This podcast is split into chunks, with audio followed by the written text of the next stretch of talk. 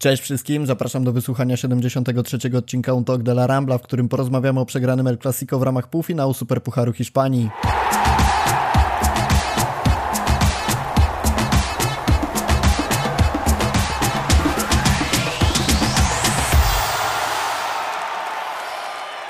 Pierwsza edycja mini turnieju w ramach Superpucharu Hiszpanii miała miejsce w styczniu 2020 roku, także ta formuła, chociaż świeża, to już zdążyła narazić się wielu kibicom ze względu na z jednej strony sam format, z drugiej strony ze względu na to, gdzie rozgrywane są mecze, bo przypomnijmy, że ostatnie El Clasico miało miejsce w Arabii Saudyjskiej e, i było to pierwsze El Clasico oficjalne poza granicami Hiszpanii.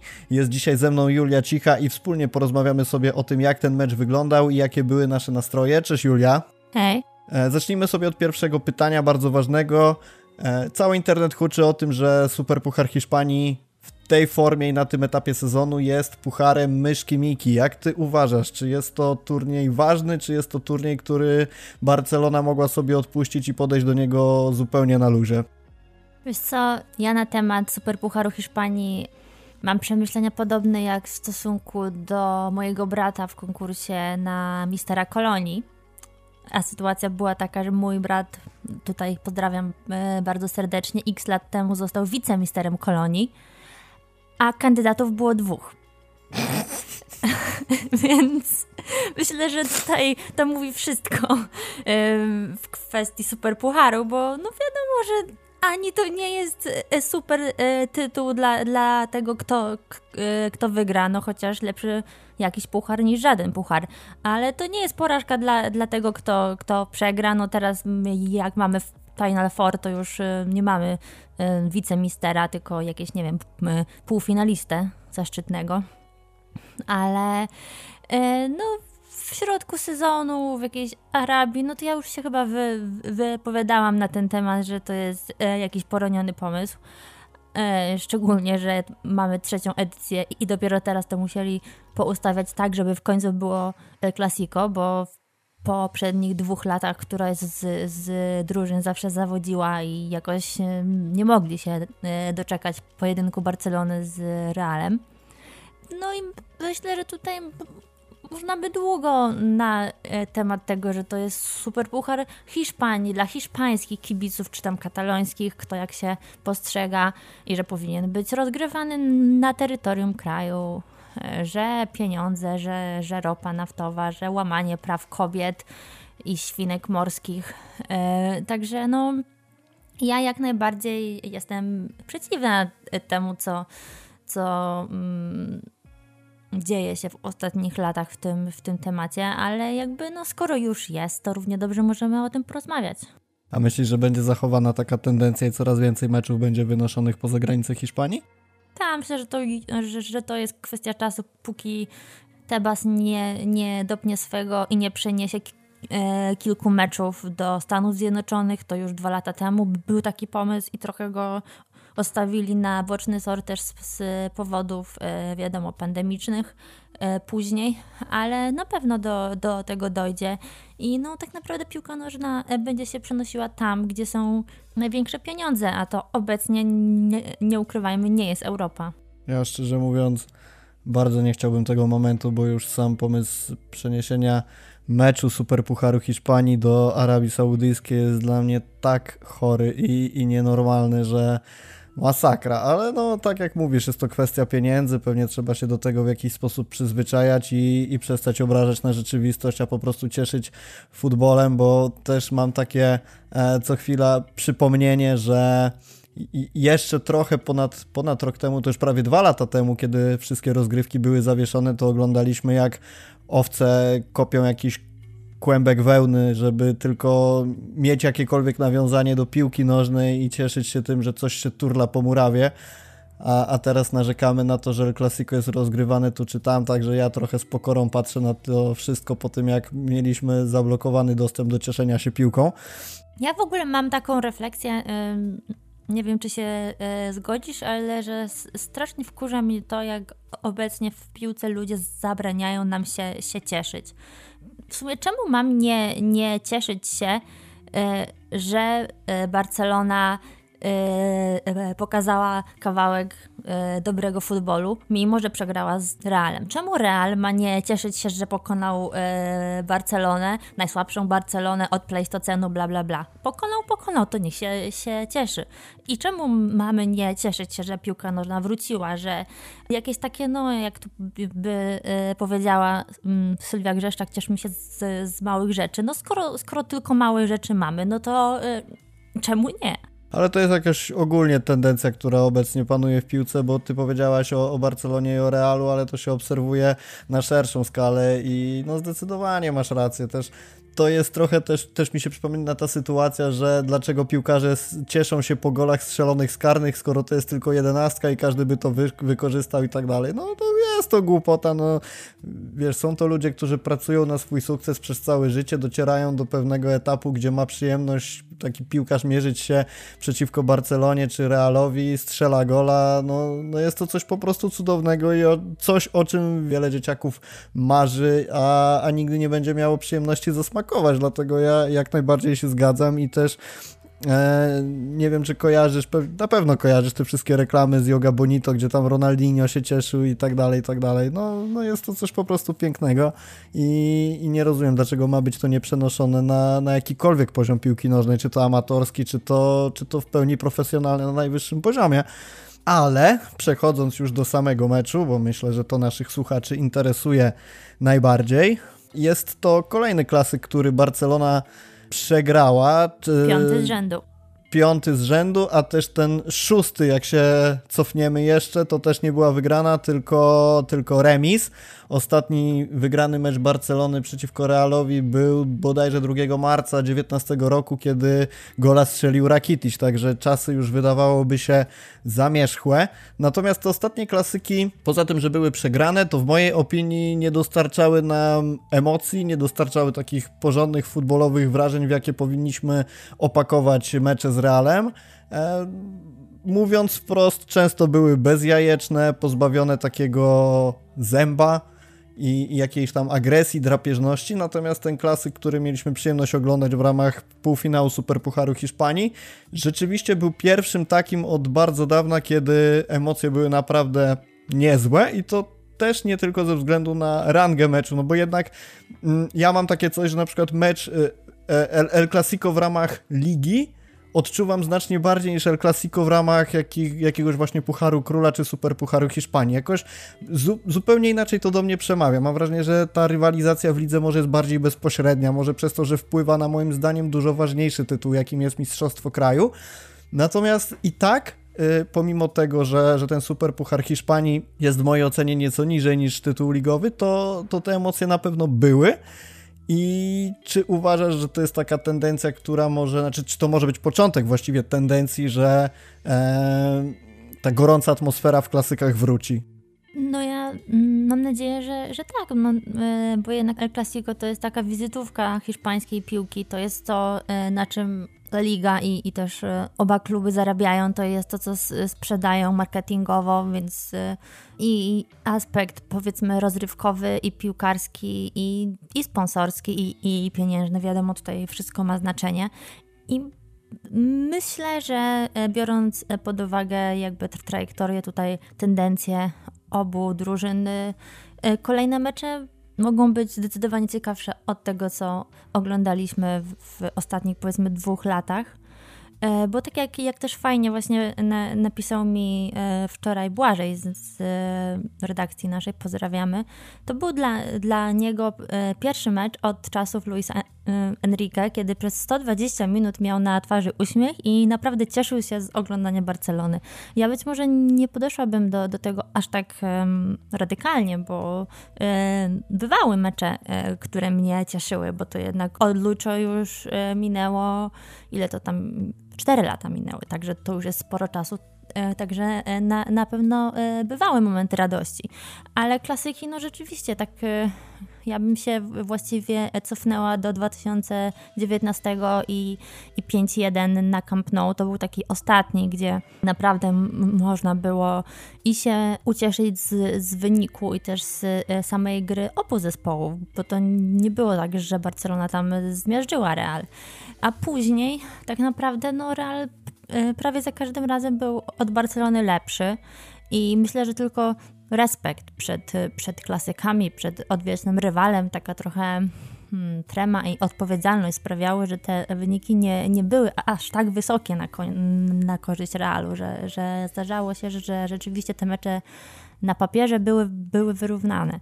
A teraz y, to powinno zmierzać w dobrym kierunku, szczególnie, że tak podsumowując wczorajsze spotkanie, to było starcie teraźniejszości, być może już prawie przeszłości Realu, patrząc na, na wiek piłkarzy z przyszłością y, Barcelony, która do, do teraźniejszości tak jeszcze no, niezbyt zahacza o tą teraźniejszość. Także tutaj potrzeba czasu ale e, myślę, że to będzie szło w, w dobrym kierunku teraźniejszości, być może przyszłości, ale jak się patrzy na Lukę Modricia, to zawsze jest uśmiech na twarzy, mimo tego, że kibicujemy Barcelonie, bo gość mimo wieku ma tak niesamowity przegląd pola, technikę i kontrolę nad wydarzeniami boiskowymi, że coś po prostu fenomenalnego. I ja rozumiem te wszystkie prześmiewcze teksty w jego stronę, że złotą piłkę załatwił mu Rakitic, ale nawet jeżeli nie, nie nazywamy go najlepszym piłkarzem świata, to, to wielki szacun za to, co chłop robi, bo jest na topie po prostu przez, przez lata. No i nie, nie jest to tak, że ktoś na niego pracuje i, i on z tego korzysta, tylko naprawdę on jest tym dyrygentem w środku pola Realu. A co do słów Błażeja, to, to ja bym się podpisał pod tym, co on powiedział i pod tym, co ty powiedziałaś jednocześnie, bo być może rzeczywiście po drodze od y, czasów Lucho były takie mecze, kiedy był uśmiech na twarzy i Barcelona grała dobrze, Barcelona wygrywała ważne mecze. No też zresztą e, po, po czasach Luisa Enrique przecież Barcelona za Valverde zdobywała Mistrzostwo Hiszpanii, więc jeżeli to nie wywołało uśmiechu na twarzy Błażeja, to coś z tobą chłopie jest nie tak. E, tym bardziej, że wiem, że jesteś fanem tego, co zostawił w Barcelonie e, Ernesto Valverde. Natomiast ja bym się odniósł może do krótszego okresu, to znaczy Setiena i Kumana, bo za ich czasów, no może za Setiena to niekoniecznie, ale za Kumana były mecze, kiedy Barcelona wygrywała. Wygraliśmy przecież Puchar Króla przeciwko, e, w finale przeciwko Atleticowi i to był moment, który na pewno wywołał uśmiech na twarzy, ale to wszystko było podsycane taką budowane na takim fundamencie przekonania, że i tak zaraz coś się rozleci, że i tak to nie jest ta Barcelona, jaką byśmy chcieli. Owszem, ten tytuł był wygrany, tylko koniec końców wiedzieliśmy, że to i tak zmierza w złym kierunku, że gdzieś na końcu tej drogi i tak jest zwolnienie Kumana, i tak jest zatrudnienie Szawiego, i tak jest słaba gra Barsy i brak możliwości walki o, o najwyższe tytuły, jakimi jest na przykład Liga Mistrzów. A teraz oglądając ten mecz z Realem, ja miałem takie przekonanie, że okej, okay, może może rzeczywiście to nie jest jeszcze ta cudowna Barcelona, Barcelona, która mogłaby się mierzyć z największymi, ale tu w ciągu kilku miesięcy pracy Szawiego już widać coś takiego, co zwiastuje, że Barcelona będzie mogła walczyć o te tytuły za kilka miesięcy. Że coś wreszcie drgnęło i nawet pomimo wyniku, bo przypomnijmy, Barcelona przegrała 2 do 3, bo my tu mówimy, jakbyśmy nie wiadomo co zrobili, dostali się do finału, a może już ten finał wygrali. Natomiast rzeczywiście było widać po nich, że jest ta ambicja, jest ten sznyt Szawiego, który wprowadza bardzo bardzo, konsekwentnie do drużyny. E, a co do samego meczu, to zacznijmy sobie w ogóle od początku, czyli od y, ogłoszenia wyjściowych składów, ogłoszenia wyjściowego składu Barcelony. Czy było coś, co Cię zaskoczyło? Bo ja mam chyba tylko jedną wątpliwość, ale chętnie usłyszę, co Ty masz do powiedzenia. Wiesz co, chyba nie. Wydaje mi się, że biorąc e, pod uwagę przewidywania hiszpańskich dzienników, to takiego składu się, się właśnie spodziewałam. Ewentualnie być może widziałabym Frankiego na ławce. I nie zaskoczyło cię, że Ferran wybiegł w pierwszym składzie? Nie, bo trąbiły o tym media od tak dawna, że nawet nie kwestionowałam, yy, yy, dlaczego właśnie tak się, się yy, miało stać. Po prostu było mówione od jakiegoś czasu, że, że jeśli będzie mógł, to zagra od razu, od pierwszej minuty, że, że Xavi zamierza wyjść na ten mecz odważnie i bez kompleksów i raczej tego się, się spodziewałam. I uważasz, że wystawienie Ferrana w tym momencie to jest odważnie i brak kompleksów, czy raczej zmarnowanie jednego miejsca w 11? Bo Ferran nie pokazał niczego i to nie jest wynik tego, że on jest słabym piłkarzem i nie wpasował się do drużyny. Znaczy, no nie wpasował się do drużyny, ale nie jest to wynikiem tego, że ma zły profil względem Barcelony, tylko tego, że jest w drużynie od kilku, możemy powiedzieć od kilku tygodni, czy jeszcze od kilku dni powinniśmy? Chyba raczej od kilku dni, bo zarejestrowany jest od niedawna, trenuje też od niedawna. E, do tego wraca po kontuzji i wraca po wiadomo czym, czego nie możemy głośno powiedzieć, żeby nam nie ścieli zasięgów. Czy nie lepszym rozwiązaniem byłoby wpuszczenie, patrzę na Memphisa i patrzę na Abdę z ławki rezerwowych? No ja się trochę nie, nie zgodzę, że um, Ferran nie pokazał tutaj nic. Moim zdaniem zagrał przyzwoicie. Ani źle, ani, ani dobrze. Tak o, powiedzmy. Więc e, jak na jego e, e sytuację, to myślę, że nie ma co go tutaj krytykować. Jeśli już, gdyby ktoś musiał, to właśnie e, krytykować Szawiego. No ale z drugiej strony czy wolisz e, wystawić zupełnie nowego e, piłkarza, który jest nieograny z mm, zespołem i po kontuzji, czy wolisz e, wystawić gracza Barcelony B, który pra prawdopodobnie prze przeżywa swoje 5 minut w pierwszym zespole, a potem wróci do rezerw albo i gdzieś tam do nie wiem, jakieś Fuenlabrady czy, czy, czy innego Kadizu odpłynie? Szczerze się waham nad tym, i to jest tak, y, że jeżeli Ferran by pokazał się tak, jak pokazał się w tym meczu, to powiedziałbym, że być może lepiej było zaryzykować i postawić na Abda albo na Memphisa. Jeżeli Ferran zrobiłby e, nawet nie gola, nawet nie asysta, ale pokazał jakąś fajną akcję, po której coś, coś by padło więcej niż zrobił wczoraj, to powiedziałbym, że świetna decyzja Szawiego. I to jest takie, wiesz, trudno to trudno z perspektywy takiego szkodzie, gdybania tak, no powiedzieć. Do, dokładnie. Tylko no zaskoczyło mnie mimo wszystko, mimo że tak jak mówisz, tam cztery dzienniki bodajże podawały zgodnie, że Ferran wybiegnie w pierwszym, a mimo wszystko ja się zastanawiałem, czy to nie jest jakieś takie błędne spekulowanie, że, że jednak to nie on powinien. I spotkałem się też z takim ciekawym tweetem, nie jest to jakieś odkrycie Ameryki na nowo, ale że Ferran dużo lepiej mógłby się sprawdzić, gdyby wszedł na podmęczonego rywala w drugiej połowie. I wtedy być może bardziej by wykorzystał swoje jakby zdolności indywidualne i byłby mniej zależny od drużyny, przez co mógłby bardziej błysnąć. No ale jest to gdybanie tak naprawdę, tak jak mówisz, a tym to bardziej, ja że... to samo powiedziała o, o mm, Dembele, że on by lepiej się spisał właśnie e, grając, grając krócej. A do Dembele zaraz sobie przejdziemy, bo jeszcze po drodze jest jedno moje pytanie o e, postaci, które nie znalazły się nawet na ławce rezerwowych. Xavi wysłał Desta i Umtitiego na trybuny. E, być może mnie ominęła jakaś informacja, ale nie sądzę o tym, że byli kontuzjowani, czyli czy to jest jasny znak, że powoli żegnamy się z, z nimi? W kwestii e, Umtitiego na pewno. No, myślę, że e, realnie jakieś wypożyczenie e, się nam szykuje. Być może nawet jeszcze zimą, ale szacun wielki za to przedłużenie umowy, obniżenie pensji, tak, rejestrację Ferrana, tak Renault pokazał, że przynajmniej mu się chce.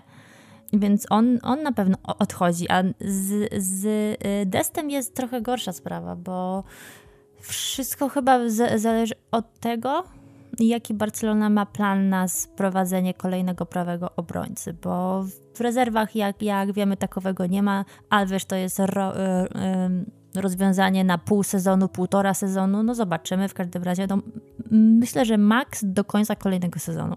A Mingeza żadnym rozwiązaniem nie jest, bo w mojej opinii już powinien być poza Barceloną. Jak to powiedział e, e, Karol, jest leszczem, tak? Cienkim leszczem, tak to było? Tak. No, tak, więc tak, tak. E, wspominamy całą redakcję dzisiaj po kolei. Więc e, Mingasa już powinien być dawno gdzieś, nie wiem, tak jak wspominałam, Rayo, e, Rayo Mahadaonda. Lubię te takie małe drużyny o dziwnych nazwach. I no, zostaje nam Sergi Roberto, który to, tego to bym w ogóle na księżyc wysłała, gdybym mogła. więc de facto nikt nam nie zostaje i mamy tego, e, tego Desta. I on, on, on będzie tam się obijał z jednej strony na, na drugą, póki tylko klub nie, nie znajdzie lepszego rozwiązania na, e, na prawej obronie. A no Dest czasami się do czegoś przydaje. To nie jest tak, że, że to jest e, piłkarz całkowicie beznadziejny, tak? No jest to odważne stwierdzenie, bo pewnie znajdzie się wielu takich użytkowników strony, którzy napiszą, że jest kompletnie beznadziejny. Natomiast y, mnie się wydaje, że to, że jest beznadziejny, czy słaby, czy mniej beznadziejny, czy bardziej przeciętny, to jest jedno, ale on się po prostu nie rozwija. On, on od kiedy przyszedł do Barcelony nie poczynił ani jednego malutkiego kroczka naprzód. A pamiętasz jak Xavi e, powiedział, że po przyjściu do Barcelony zaskoczyło go, że część piłkarzy e, w ogóle nie rozumie schematów gry? I, I ja myślę, że to mógł być Dest właśnie. Że on piłkarsko dojeżdża, ale jakby taktycznie i, i w rozumieniu e, jakimś takim całościowym, e, bardziej holistycznym, to mu brakuje. I tu pewnie można by się ukłonić w stronę Kumana, bo dla mnie on żadnym genialnym taktykiem nie był i być może rzeczywiście w tym jest problem, że nie miał kto Destowi dobrze tej taktyki przetłumaczyć. Natomiast no, nie jest to podcast o transferach, dlatego przechodzimy sobie e, dalej. Destowi życzymy albo udanego transferu, albo odzyskania formy. Najlepiej, jak miałby być to transfer, to za e, bardzo grube bimbaliony. Przebieg meczu. Xavi powiedział coś takiego, że cały mecz był dobry poza pierwszymi 20 minutami, gdzie jeszcze widać było te kompleksy wynikające z poprzednich e, spotkań i, i wyników, jakie osiągała Barcelona. E, całościowo powiedzieliśmy sobie już, że mecz był na wysokim poziomie i Barcelona, tak patrząc na to przez pryzmat 120 minut, pokazała się z dobrej strony. Natomiast koniec końców w finale nas nie ma. Co zadecydowało Twoim zdaniem jednak o porażce? Typowe błędy Barcelony i wbrew pozorom to jest, to jest dobra wiadomość. Bo tego typu błędy indywidualne, e, zostawianie e, zawodników e, samych w polu karnym, czy brak ogarniania kontry Realu, to jest coś, z czym my się mierzymy od 5, 10, 15 lat. To nie jest nic absolutnie nowego. To jest problem, który jest głęboko zakorzeniony i zajmie nam sporo, sporo czasu poradzenie e, sobie z tym. Ale nie było za to błędów takich nowych. E, e, błędów, które oglądaliśmy w tym sezonie czy w poprzednim sezonie, czyli na, na przykład nie oglądaliśmy braku koncentracji, tak? nie oglądaliśmy załamania i machania rękami, że, że tak się zupełnie nie da. No i paru tam, tam jeszcze mm, innych rzeczy. Także jeśli chodzi o defensywę, to wykonaliśmy krok wstecz w dobrym znaczeniu, to znaczy doszliśmy do sedna problemu, które teraz trzeba rozwiązać. I to de facto y, zadecydowało o porażce, bo trudno się w ataku czegoś y, przyczepić, kiedy strzeliliśmy Realowi dwa gole jako pierwsza drużyna bodajże od Espaniolu, który to w październiku zrobił, tak? Także y, to nie jest tak, że, że Real traci sporo, sporo bramek i też biorąc pod uwagę nasz potencjał ofensywny lub jego brak, to jest dobry wynik. Także tutaj też nie chcę y, świętować tej, tej porażki, bo to nie, nie o to chodzi, ale myślę, że y, nawet to, co zrobiliśmy źle, w perspektywie przy, przyszłości wygląda nieźle. To mnie się rzuciło w oczy z kolei, że okej, okay, rzeczywiście pod względem takiego zaangażowania i koncentracji wyglądało to dobrze, ale jednak jeżeli chodzi o takie e, kluczowe momenty, jak chociażby to, co zrobił Busquets, to, co robił Alba przy trzecim golu, to trochę zabrakło mi, żeby powstrzymać coś, co jest nie do powstrzymania, to może, może jest trochę górnolotnie powiedziane, ale wybronienia tych sytuacji mimo wszystko, aczkolwiek no, też trudno mówić o tym, że jak Vinicius wychodzi praktycznie sam na sam z bramkarzem, żeby to odratować, no ale, ale te błędy w połączeniu z tym, że jak już coś miało wpaść, to tak naprawdę wpadało, też mam przed oczami, jak Benzema przy tym swoim golu najpierw oddał strzał, który super wybronił Ter Stegen, potem brak krycia, to wszystko wiemy. I też, dlaczego akurat y, to się stało, dlaczego ktoś nie wybił koniec końców tej piłki, no szkoda, szkoda, bo rzeczywiście ta koncentracja była, ale jakieś takie fundamentalne błędy w najgorszych momentach przyszły. E, ja bym też zwrócił uwagę na to, że w pierwszej połowie szczególnie to się rzucało w oczy, takie kilka piłek między innymi do Marco Asensio było, które przechodziły przez nasz środek pola po prostu bez żadnego problemu. Miałem wrażenie, że jak oglądałem Barcelonę, która podchodzi pod pole karne Realu, to to jest taka trochę klasyczna Barcelona, która musi wymęczyć kilkanaście, kilkadziesiąt kilkadziesiąt podań, żeby w końcu przerzucić gdzieś tam piłkę bliżej pola karnego i znaleźć się w sytuacji mniej lub bardziej bramkowej. E, I oczywiście to trwa, trwa, trwa, trwa. A jeżeli chodzi o Real, to czasami było tak, że czy to Casemiro, czy gdzieś wycofany Modric przejmował piłkę pod polem karnym Realu i nagle szły dwa podania i Asensio był przed strzałem e, w, w polu karnym, czy na skraju pola karnego Barcelony. Także to mnie się rzuciło w oczy i, i moim zdaniem tu ma trochę do poprawienia Szawi, dlatego też zastanawiałem się, czy na przykład e, lepszym rozwiązaniem nie byłoby wypuszczenie Niko od pierwszej minuty. No znowu jest to w pewien sposób gdybanie, no bo, bo być może Niko nie zagrałby aż tak dobrze i nie zatrzymał tych ataków, ale mieliśmy De Jonga, który tak naprawdę jeżeli chodzi o grę w obronie, no nie pokazał niczego fenomenalnego. Gavi na tyle mógł, to szarpał, no a, a Busquets jak to Busquets, no wtedy, kiedy mógł popisać się swoją dobrą grą, to to robił. Natomiast no niestety przydarzył mu się katastrofalny błąd, taki zupełnie, może nie powiem nie w jego stylu, bo on takich błędów kilka miał, ale jeżeli byłby w swojej najlepszej dyspozycji, to by tego po prostu e, nie zrobił. Ja bym do, jeszcze do przegranej dorzucił jedną rzecz, o której nie wspomnieliśmy, to znaczy nawet nie tyle brak potencjału w ataku, co to, że my nie potrafimy tych okazji kończyć. No to też jest nihilnowi. No tak, tylko wiesz, to ja nie rozumiem za bardzo z czego to wynika, no bo masz takiego znowu, wiem, że porównywanie Benzemy z Dembele to jest trochę porównywanie e, Malucha z Aventadorem, no ale masz gościa, który staje ci w polu karnym, uderza raz, jest słupek. Uderza drugi raz, Ter Stegen musi się nagimnastykować, żeby tę piłkę wybić. Potem gdzieś tam dobiega w polu karnym, strzela praktycznie do pustej bramki i kończy mecz y, z jednym golem. Masz Dembele, który, zresztą taka ciekawostka, ktoś mu wyliczył, że jego strzały z dystansu to jest mniej więcej expected goal na poziomie 0,02.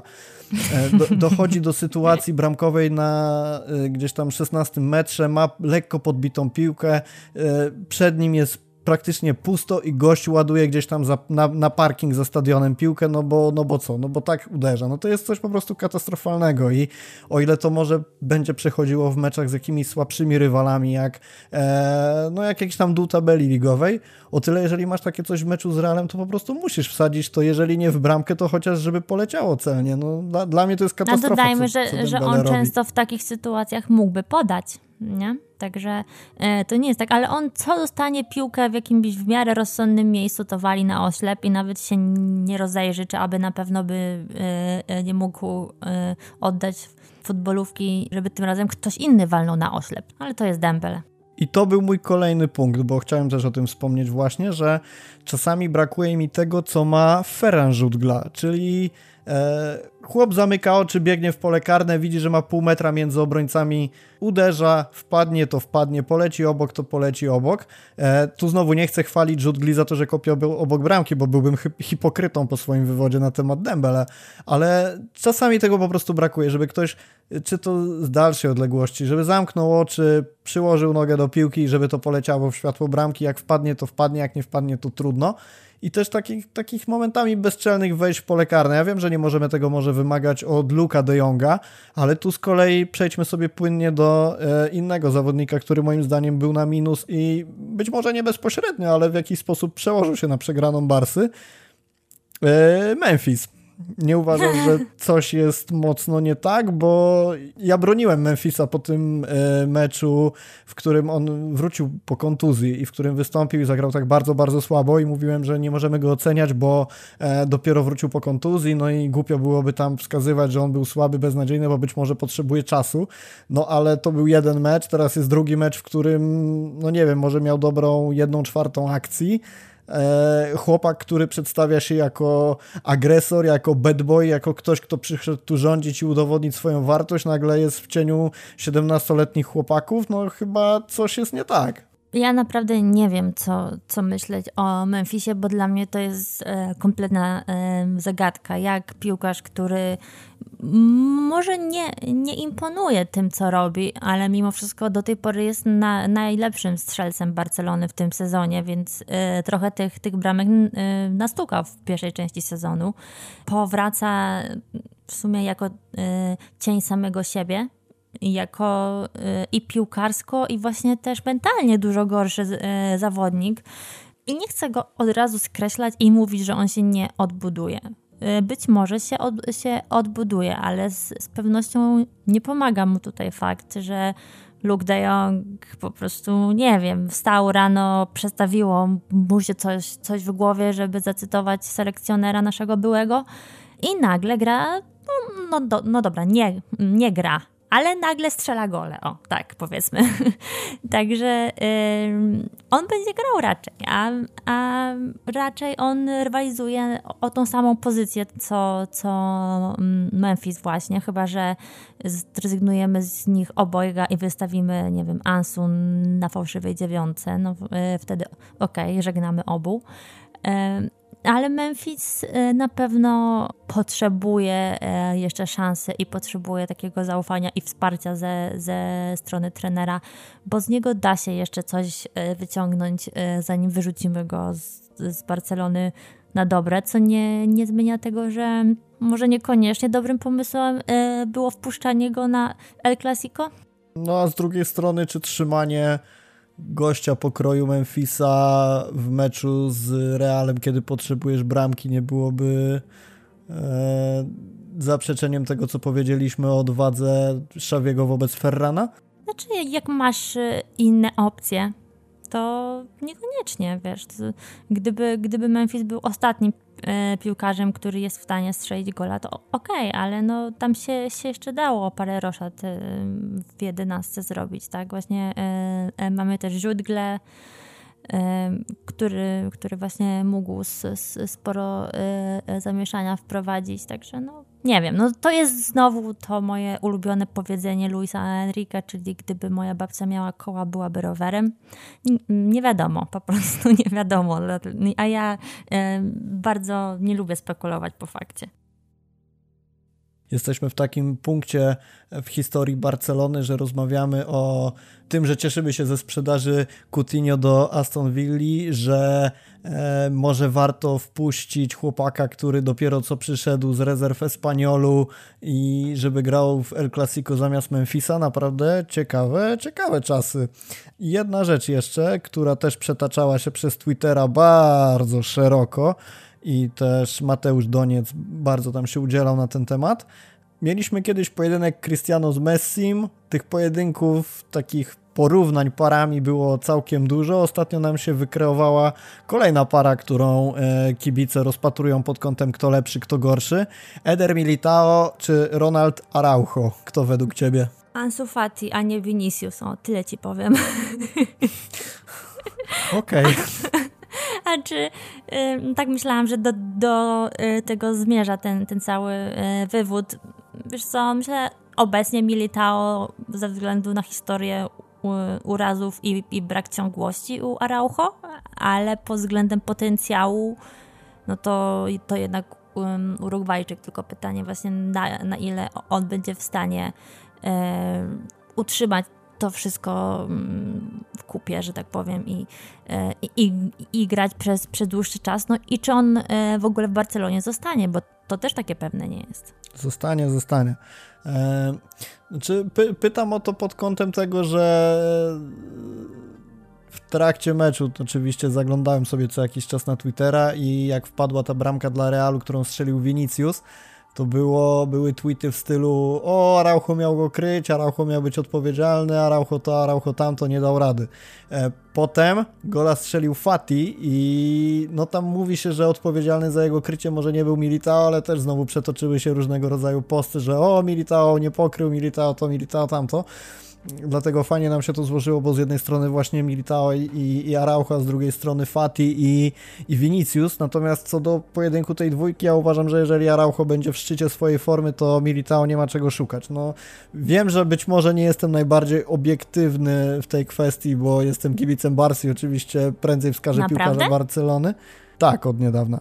I przerzuciłem się, przerzuciłem się ze Spaniolu. Natomiast, e, no jeżeli chodzi o Araujo, dla mnie to jest chłop z potencjałem na bycie najlepszym stoperem świata, jeżeli będzie miał tę ciągłość, o której wspominasz.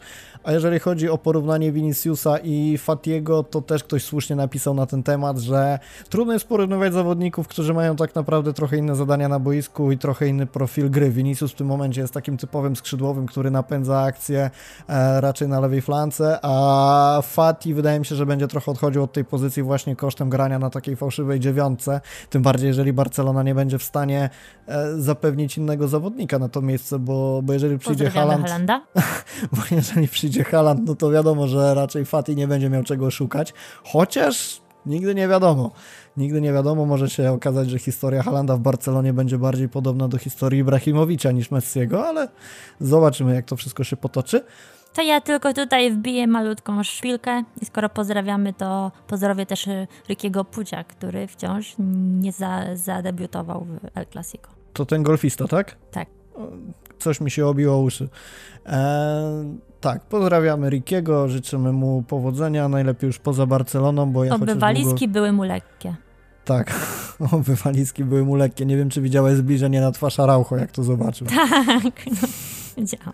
Złoto, złoto, naprawdę złoto, a, a co do samego Rikiego, to naprawdę nie warto zajmować czasu naszych słuchaczy rozmową o tym gościu, bo ja byłem tym, który naprawdę długo go bronił, naprawdę długo liczyłem, że on w końcu odpali i będzie tym, którego Setien e, wpuści na boisku. W Kumana nie wierzyłem, ale że jak przyjdzie Xavi, to to już chyba byłem raczej po tej stronie, że, że to nie ma szans wypalić, a, a teraz jeżeli w kolejce przed nim jest już Alvaro Sanz, to Myślę, że wszystko jest tu pozamiatane i też jestem ciekawy, jeżeli Ricky w końcu odejdzie, chociaż no nie zanosi się na to, ale jeżeli w końcu odejdzie, to gdzie trafi, jak się sprawdzi.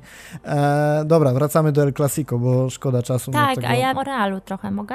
E, możesz, natomiast jeżeli chcemy przejść do Realu, to ja tylko wspomnę, że bardzo się cieszę z powrotu Pedriego, który pozamiatał i na tle innych kumpli wygląda jak prawdziwy weteran, mimo tego, że jest nadal bardzo młodym chłopakiem. I już mo możemy do Realu. Tak, bo ja tu chciałam e, trochę w roli adwokata Realu i, i jakby mm, odpowiedzieć na hejty na, na Twitterze. To znaczy, naczytałam się, że na, na przykład e, dla Realu wstyd było grać przy, przeciwko Barcelonie z kontry, skoro jest lepszym od niej zespołem. I tak, ja zaczęłabym. Co to za bzdura? E, zaczęłabym od e, konferencji prasowej Toniego Crossa, który e, powiedział tam coś bardzo fajnego, co mi się spodobało. Zapytano go, czy woli dominować i, i mieć piłkę, i nią, nią grać, spychając rywala do obrony, czy woli, jak piłkę mają rywale, a, a Real czeka na kontrę. I on powiedział coś, coś bardzo ciekawego, czyli że on osobiście woli mieć tą, tą piłkę.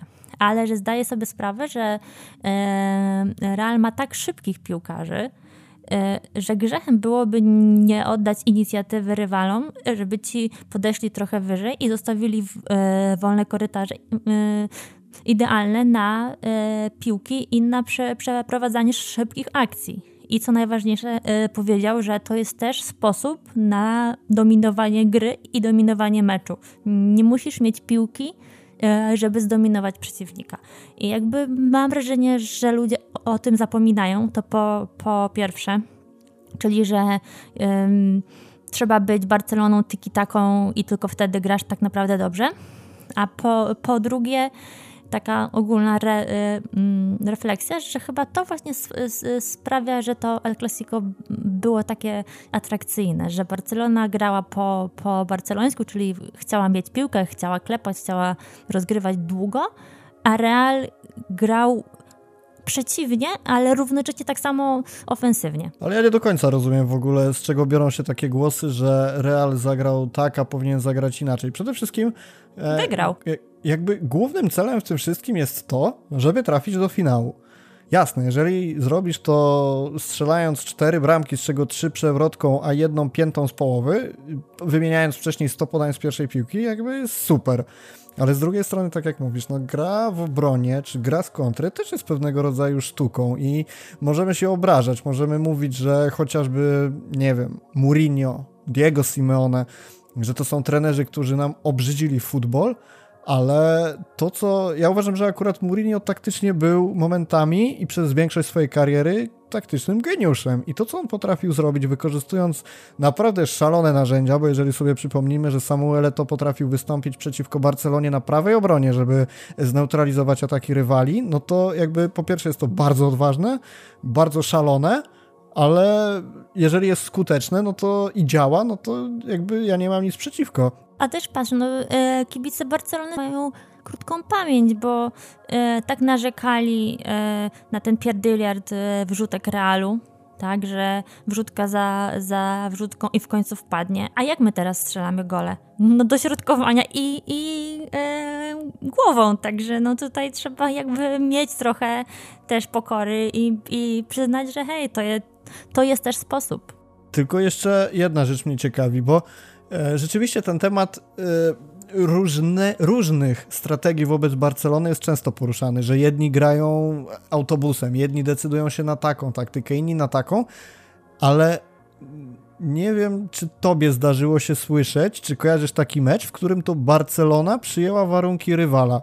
Jestem ciekawy, co by się stało na przykład w takim El Clasico, gdyby zagrać, to, to jest ta e, e, paradoks więźnia, nie wiem, czy dobrze pamiętam, w każdym razie, co zrobi przeciwnik i jak warunkujesz wobec tego swoją decyzję. I jeżeli zagrać by coś, coś takiego z Realem i wyjść z założenia, że Real zakłada, że Barcelona atakuje, to my przyjmujemy taktykę, że nie atakujemy, tylko my się cofamy i czekamy na ich ruch, to jestem ciekawy, jak wtedy by mecz wyglądał. Gdyby to Barcelona paradoksalnie grała mecz wycofana i nie czekała na kontrę, tylko na przejęcie inicjatywy Realu, bo mogłoby się to skończyć fatalnie i brzmi to jak e, najgorsze mecze za, za czasów Valverde, gdzie rzeczywiście Barcelona się cofała i dostawała oklep zamiast atakować i jakby chciałbym to zobaczyć z takiej czystej ciekawości, może niekoniecznie z takiego sportowego punktu widzenia, Natomiast jest to coś ciekawego, że rzeczywiście częściej to Barcelona stara się narzucać swoje warunki gry i, i od tego determinuje się, jak mecz wygląda. I nie masz takiego wrażenia, że, że, tak, że taki totalnie. eksperyment byłby ciekawy? To byłoby y, bardzo ciekawe, ale też równie y, nierealne, bo Barcelona jest mimo wszystko wciąż niewolniczką swojego stylu gry DNA i jakby rozumiesz, że gdyby zrobić coś takiego i Barcelona by przegrała, to co byłoby przy, przyczyną porażki? Właśnie Odejście to, że Barcelona. Do, no dokładnie. I choćby przy, przyczyny były zupełnie inne, to wskazywano by tylko to i PR-owo i e, medialnie zrobiłby się lincz na trenerze czy na kimkolwiek, kto by to wymyślił. I myślę, że, że Barcelona mm, jeszcze na to nie jest gotowa. Dobra, to w takim razie krótkie jeszcze słowo na koniec podcastu. Czy Twoim zdaniem to El Clasico e, daje podstawy do wnioskowania na temat kolejnych meczów, kolejnych tygodni i jak według Ciebie mogą wyglądać, jeżeli możemy coś w, taki, w tę stronę powiedzieć? Nie. Co się dzieje w Riyadzie, zostaje w Riyadzie. Co się dzieje w El Clasico, zostaje w El Clasico. I tak jak e, też sam, sam Xavi powiedział, w lidze to jest wciąż 17 punktów i w lidze to Real jest full, full najlepszym zespołem póki co. Co wcale nie oznacza, że my nie możemy y, na pierwszą czwórkę liczyć. Oczywiście, że y, możemy i jeśli to będzie szło w tę stronę, to, to y, bardzo fajnie, ale też nie prognozowałabym nie wiadomo czego, tylko na podstawie tego jednego meczu. Rozumiem i poniekąd się zgadzam, ale też ja jestem ciągle na fali tego, że pokazaliśmy się ze świetnej strony. Była determinacja, była koncentracja, Momentami rozwaga znikała, ale, ale też przez większość meczu była. Przede wszystkim w końcu cieszyliśmy się meczem. Dobra, kończymy w takim razie. E, drodzy słuchacze, jeżeli chcecie, żeby Julia częściej wpadała na nasze podcasty i opowiadała o swoich sekretnych braciach, którzy wygrywają konkursy, dajcie nam łapkę w górę. Zachęcamy to zmieńcie do... prowadzącego. Dzięki wielkie Julka, że znalazłaś czas. Julia. Dziękuję. I ja również dziękuję. Do usłyszenia w kolejnych odcinkach. Papa. Papa.